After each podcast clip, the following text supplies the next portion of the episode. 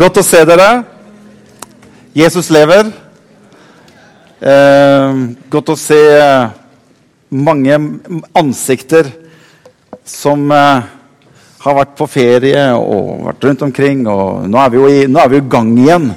Og det, sånn er det.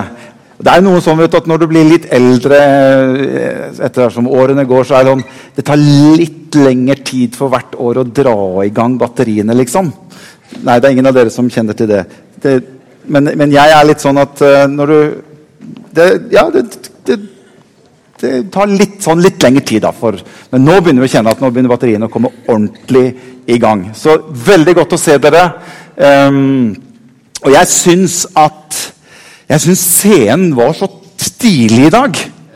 Jeg syns det var utrolig tøft å komme inn og se den scenen. Så jeg syns vi skal gi de som har fiksa scenen, en skikkelig applaus for dette. Var. Jeg syns det var eh, eh, Jeg syns det var veldig, veldig bra.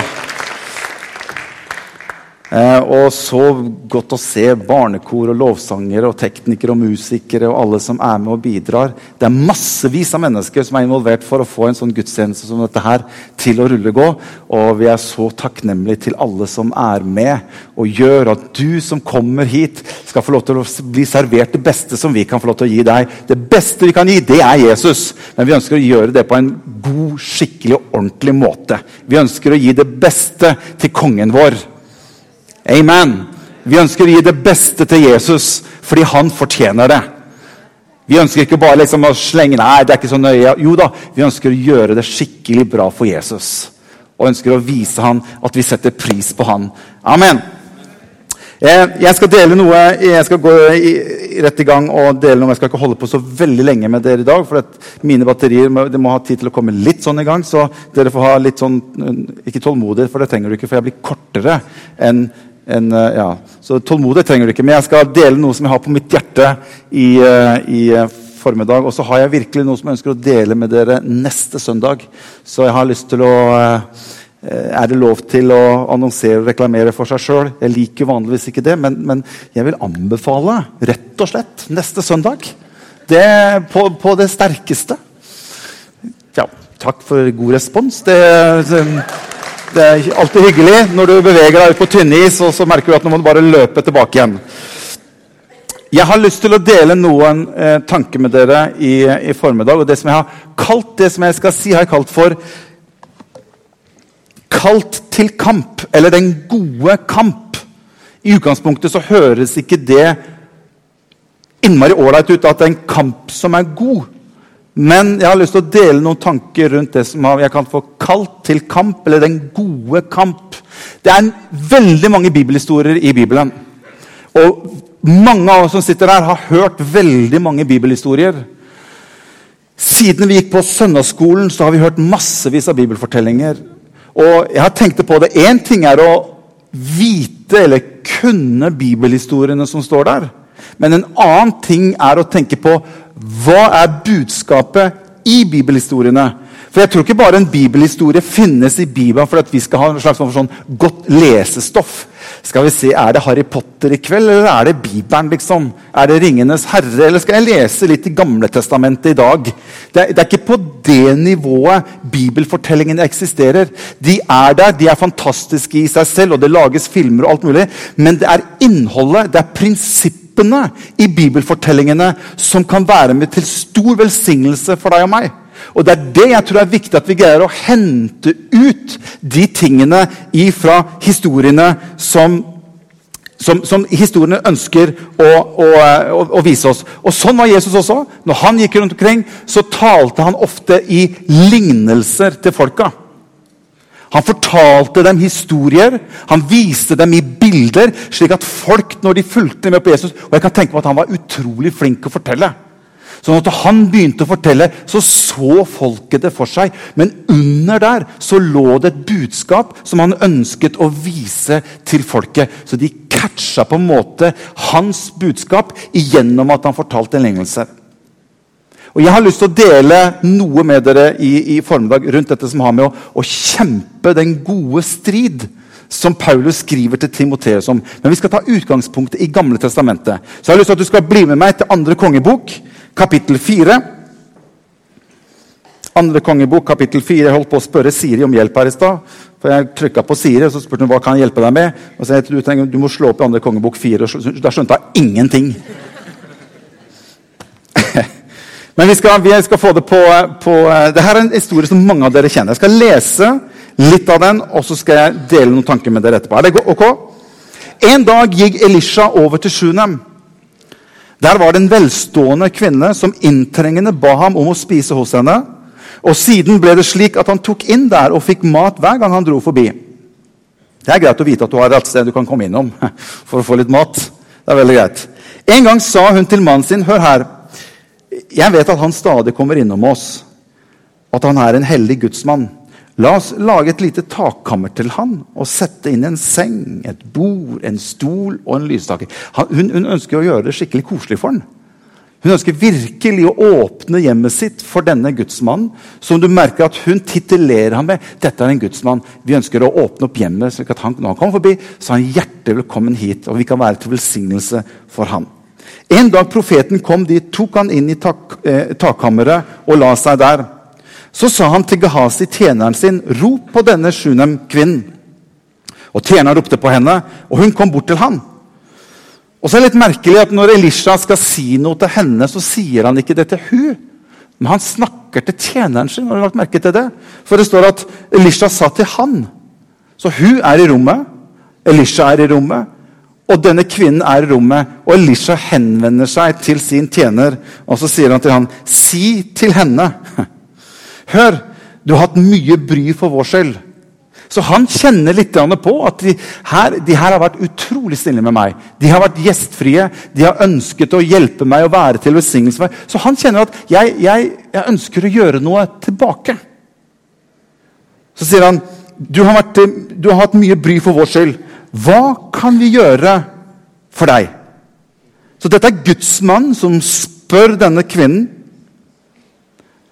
og mange av oss dere vet, når Jesus gikk rundt, så var det enkelte tilfeller hvor Jesus spør hva kan jeg gjøre for deg? Det er dette gudsmannen spør denne Sjunem-kvinnen akkurat det samme. Hva, hva, kan jeg gjøre for deg? Nå har du gjort så mye for meg. Du har vært så snill, du har vært imøtekommen, du har åpnet hjemmet ditt. Jeg ønsker å gjøre noe tilbake mot deg.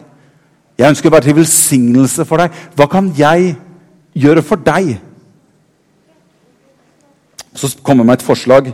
Kan vi tale din sak for kongen eller hærføreren? Men hun svarte. Og Legg merke til hvordan Nei, jeg bor jo blant mitt eget folk. Hva kan jeg da gjøre for henne? spurte profeten. Og Så sier Gehazi hun har ingen sønn, og mannen hennes er gammel. Da sa Elisha, rop på henne. Da hadde hun gått igjen.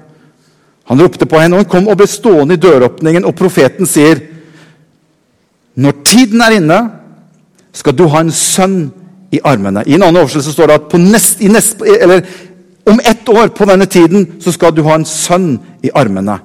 Legg merke til hva hun svarer tilbake til han. Men hun svarte, 'Nei, Herre'. Du som er en gudsmann, må ikke lyve for din tjenestekvinne. Så det er som Jesus kommer til deg og meg og spør hva vil du at jeg skal gjøre for deg? Og du svarer tilbake til Jesus jeg vil ikke at du skal gjøre noen ting for meg.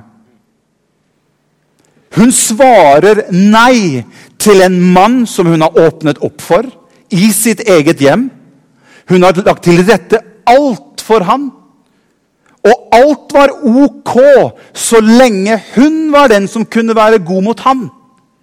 Men når det kommer til et punkt hvor han ønsker å snu det og være til velsignelse for henne, så virker det som at han møter noe hos denne kvinnen som sier at 'ikke innenfor her'.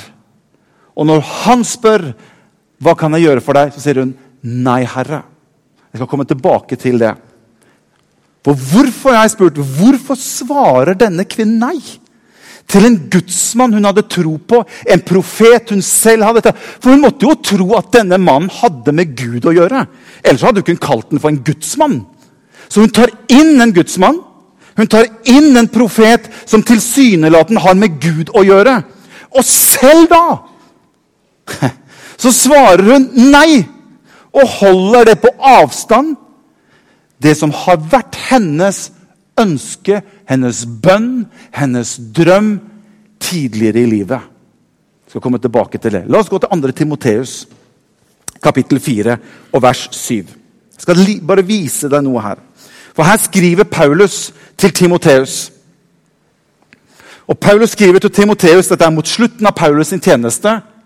Og så sier Paulus til Timoteus så skriver han, så sier han, 'Jeg har stridd den gode strid', sier han. 'Jeg har bevart, jeg har fullført løpet, jeg har bevart troen.' Til slutt så er det da gjort ferdig en rettferdighetens krone for meg. Den som Herren, den rettferdige dommer, skal gi meg på den dagen. Og ikke bare til meg, men til alle som har elsket Hans åpenbarelse. Jeg har stridd den gode strid. Jeg lurer på hva Timoteus tenker på når han leser det brevet fra Paulus. Så, så skriver han jeg har stridd den gode strid. Det var utrolig mye Paulus hadde vært med på. Han hadde, I begynnelsen så drev han og, og, og, forfulgte de kristne. Han drepte jo til og med kristne. Han var gjennom ekstremt mye. Han led sult. Han, han, han ble slått. Han, han, hadde vært blind. Han hadde vært igjennom ekstremt mye, og dette visste Timoteus om. Men Timoteus, så sier Paulus jeg har stridd den gode strid. Stridd den gode strid? Jeg har aldri sett at Paulus i det hele tatt har løfta en hånd og vært i en slåsskamp. i det hele tatt. Hva er det Paulus mener når han skriver til Timoteus at jeg har stridd den gode strid? Og så sier han etterpå at jeg har fullført løpet og jeg har bevart troen. Og det er noe av dette som jeg ønsker å bare koble opp imot historien med Sjunem-kvinnen. Slik at du får med deg noe i dag som jeg tror kan være til stor velsignelse både for deg og for meg. Er det greit? Amen. For Det er litt interessant når vi leser de kapitlene med Elisha. Det er Noen kapitler tidligere så kan du lese om en annen kvinne som har det vondt og som har det fattigslig. Og hun trenger Elisha sin tjeneste. Og hun er åpen på det. Hun sier at 'jeg har bare en liten krukke med olje igjen'. sier Hun Hun var fattig, hadde ingenting. Og veldig ofte så er det sånn at fattige mennesker de kan ikke skjule det de trenger. Så de er åpne, og de er ærlige om det og sier at 'jeg trenger hjelp'. Men hør Gud ønsker å hjelpe mennesker som kanskje noen ganger har behov som man ikke egentlig alltid ønsker å vise på utsiden. Kanskje av en fasade som virker vellykket og god. Det fins mye fattigdom der fasaden ser bra ut. Og det er noe av dette som profeten er i ferd med å nå hjertet til denne Sjunem-kvinnen. Og Det er det jeg ønsker bare å koble opp imot dette som har med troens strid. For du og jeg vi er kalt til å leve ved tro som de rettferdige. Har du fått med deg det? Den rettferdige han skal leve ved tro. Og den troen handler ikke bare om at det er bare en dans på rosene. Nei, det er en kamp. Ikke i første omgang og mot det som Jesus har gjort for oss. For han har gjort alt ferdig for oss. Alt er tilrettelagt for deg og meg. Men det er en kamp oppimot meg selv. For jeg trenger å stå i det som Gud har gitt meg, som han har gjort ferdig på korset. Det trenger jeg å leve i, bevege meg i. Og hør, mange av oss har opplevd tider hvor det som vi trodde kanskje skulle skje, det skjedde ikke. Vi blei såret. Vi blei skuffa. Bønnesvaret kom ikke når vi trengte det første omgang. Og så går historien og så til slutt så ender vi opp som denne Sjunem-kvinnen. Det er ok med Jesus på utsiden, men jeg tør ikke lenger å slippe ham inn. For da begynner kampen som jeg ikke lenger ønsker å ta tak i. Jeg tør ikke, jeg orker ikke å kjempe lenger med frykten, med usikkerheten, med tilkortkommenheten Men de tingene som gikk galt, de tingene som jeg hadde trodd Gud for Jeg har, jeg har lagt et lokk på det i mitt liv. Det er greit å komme på en søndag og gi han ære og ha Jesus der. Flott, og han er i livet mitt. Men jeg har sluttet å forvente at han kan bety noe mer for meg i mitt liv enn slik som jeg har det nå. Og det er det som skjer med denne sjuende kvinnen. Hun tror at profeten er hos henne i utgangspunktet, så hun kan velsigne ham. For hun setter så pris på profeten. Hun syns det er så bra med Jesus. Det er så flott med han. Og vi priser han, og vi er sammen med han, og vi skaper rom for han. Problemet bare var at han fikk ikke noe rom inn i hennes liv.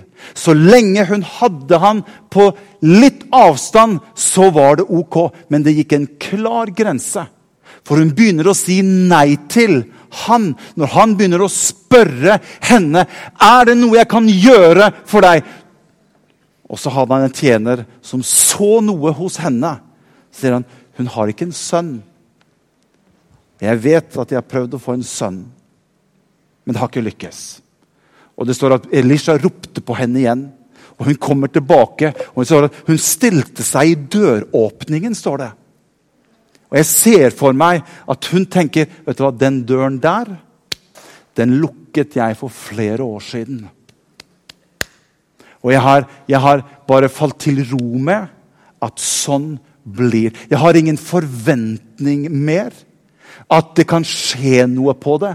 For jeg ble skuffa, jeg ble såra, og det kan være andre ting i ditt og mitt liv som vi en gang håpet eller vi ba om, men så skjedde det ikke. Og så begynte vi å legge lokk, og vi begynte å senke forventningene for hva Jesus kan gjøre. Og hør, når du og jeg senker våre forventninger om hva Jesus kan gjøre, så blir det vanskeligere for Jesus å gjøre noe.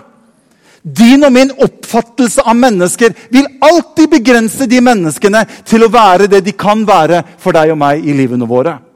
Ta bare Jesus når han kom til Nasaret. Det står at han kunne ikke gjøre veldig mange tegn og under. Hvorfor det? Jo, for de hadde en forventning om er ikke, er ikke han Er ikke det bare sønnen av snekkeren? da? Er ikke det snekkersønnen? Ja, han er jo ikke noe spesielt. Og det eliminerte bort muligheten for Jesus til å komme inn og gjøre en forskjell i menneskers liv. Og hør, du og jeg kan stå i fare for å leve et kristenliv som denne Sjunem-kvinnen.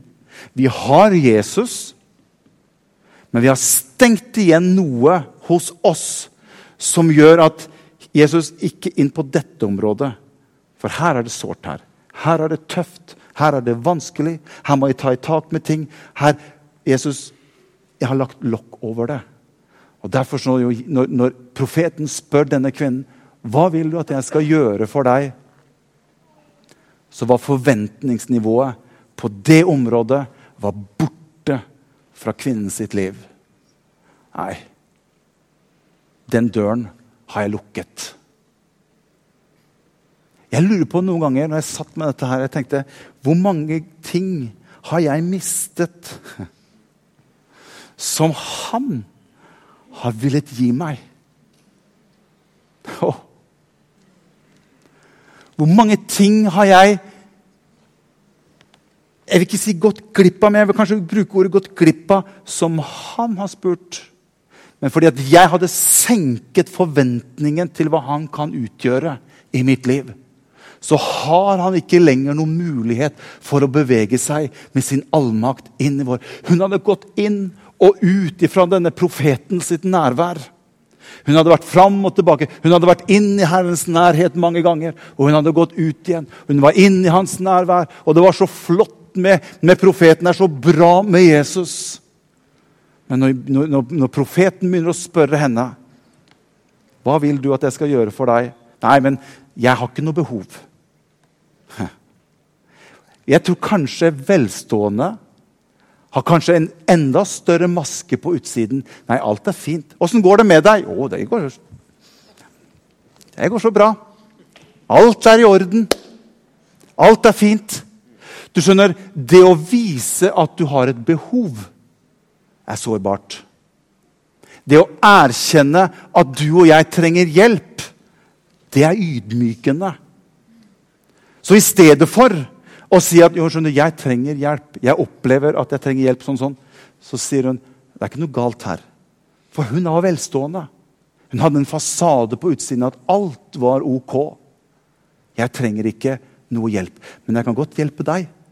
Mange mennesker har mye lettere for å være til hjelp for andre, men har vanskelig for å ta inn hjelp sjøl. Har vanskelig for at andre kan få lov til å være med å hjelpe inn i mitt liv. Og jeg tenkte når jeg, når jeg, når jeg satt med dette her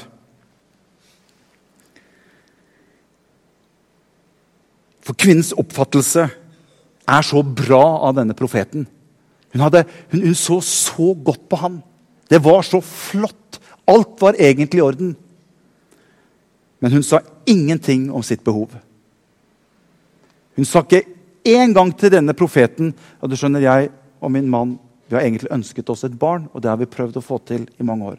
Nå er det å få et barn bare et bilde på Du kan bruke det i alle forskjellige sammenhenger i ditt liv og i mitt liv. Hun sa ikke det én gang. Det var han som konfronterte henne med det.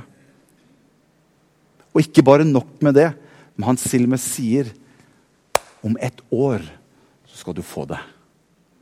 Wow! Om ett år, på denne tiden, så skal du ha en gutt, en sønn, i dine armer. Og hun fikk det. Det hun i seg selv ikke klarte å få til, det gjorde Gud i hennes liv. Og hør, det er dette som er kampen. Det er dette som er kampen i våre liv. Fordi at du og jeg vi lever på en måte i vår tro sammen med Jesus at jeg er nødt til å tørre å heve min forventning. Jeg er nødt til å kunne være sårbar i henhold til det som er mine behov. det som er mine ønsker. Og Derfor så tror jeg at når jeg kommer frem for profeten eller jeg kommer frem for Jesus, så kan jeg ha et hjerte som er ærlig, åpent, når han spør meg hva ønsker du at jeg skal gjøre for deg. Så kan jeg ha en forventning til han. At han kan gripe inn i mitt liv og gjøre en forskjell i mitt liv. Det er en slik Jesus jeg tror på. Og Jeg opplevde i mitt hjerte at det er mange av dere som har satt et lokk på ting i fortiden. Som du for lenge siden har bare sagt at dette er ikke mulig å få til noe som helst på. Jesus han er her, og han spør deg og meg hva vil du at jeg skal gjøre for deg. Han kjenner oss så godt. Han vet hvem du og jeg er. Han vet hva vi trenger til. Men det står noe i Bibelen. Det står at 'salig er den som tørster', sier Jesus. Han skal jeg vann.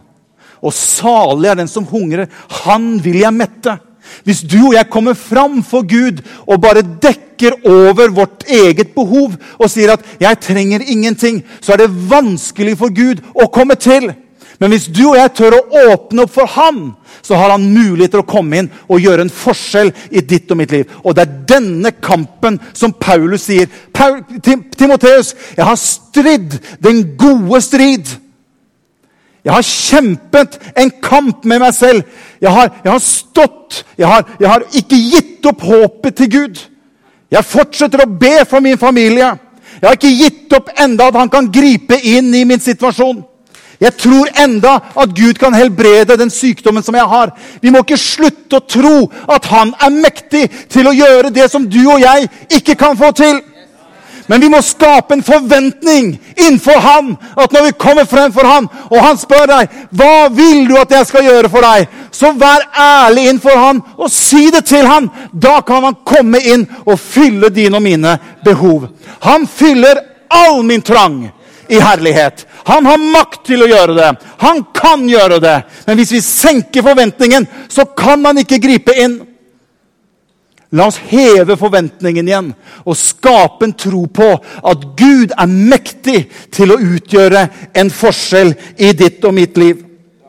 Hva vil du at jeg skal gjøre for deg? Halleluja. Ved denne tid om ett år Han er så tøff at han til og med setter en dato på det. Denne tid neste år så vil du ha Tør du å forvente på nytt igjen? At det som var sårt, det som var vanskelig, det som ikke ble slik som du hadde trodd, tør du igjen å åpne opp den døren, så han på nytt igjen kan få lov til å komme inn på det området i ditt og mitt liv. Tør du det? Og Jeg opplever at Guds ånd er her i dag. Vi kan få opp musikerne, så skal vi gå imot avslutning. Jeg opplever at Guds ånd er her i dag for å åpne noen dører som kanskje du har holdt stengt over lang tid. Gud gikk inn her. Det er så sårt. Og, og, og hun, kvinnen sa til den profeten Nei! Du må ikke si sånn til meg! Du må ikke lyve for meg! For jeg har opplevd dette så sårt og så mislykket så mange ganger. Ikke, ikke gå inn på det området der! Nei, men Da får ikke Gud heller grepet inn med sin allmakt. For jeg er nødt til Han er ikke en som bare tvinger seg på. Jeg åpner opp for han, og han kan komme inn og gjøre noe. Til og med så skriver han Prøv meg, sier han, på denne måten. Prøv meg på denne måten, om ikke jeg skal åpne opp himmelens sluser, sier han. Og øse ut over deg en velsignelse som er så stor at ikke du kan greie å romme den såpass. Men jeg er nødt til å åpne opp, så han har mulighet til å komme til og velsigne meg, berøre meg lede meg videre. Kan vi ikke reise oss opp, alle sammen? Jeg har lyst til at vi skal bare stå i Guds nærhet.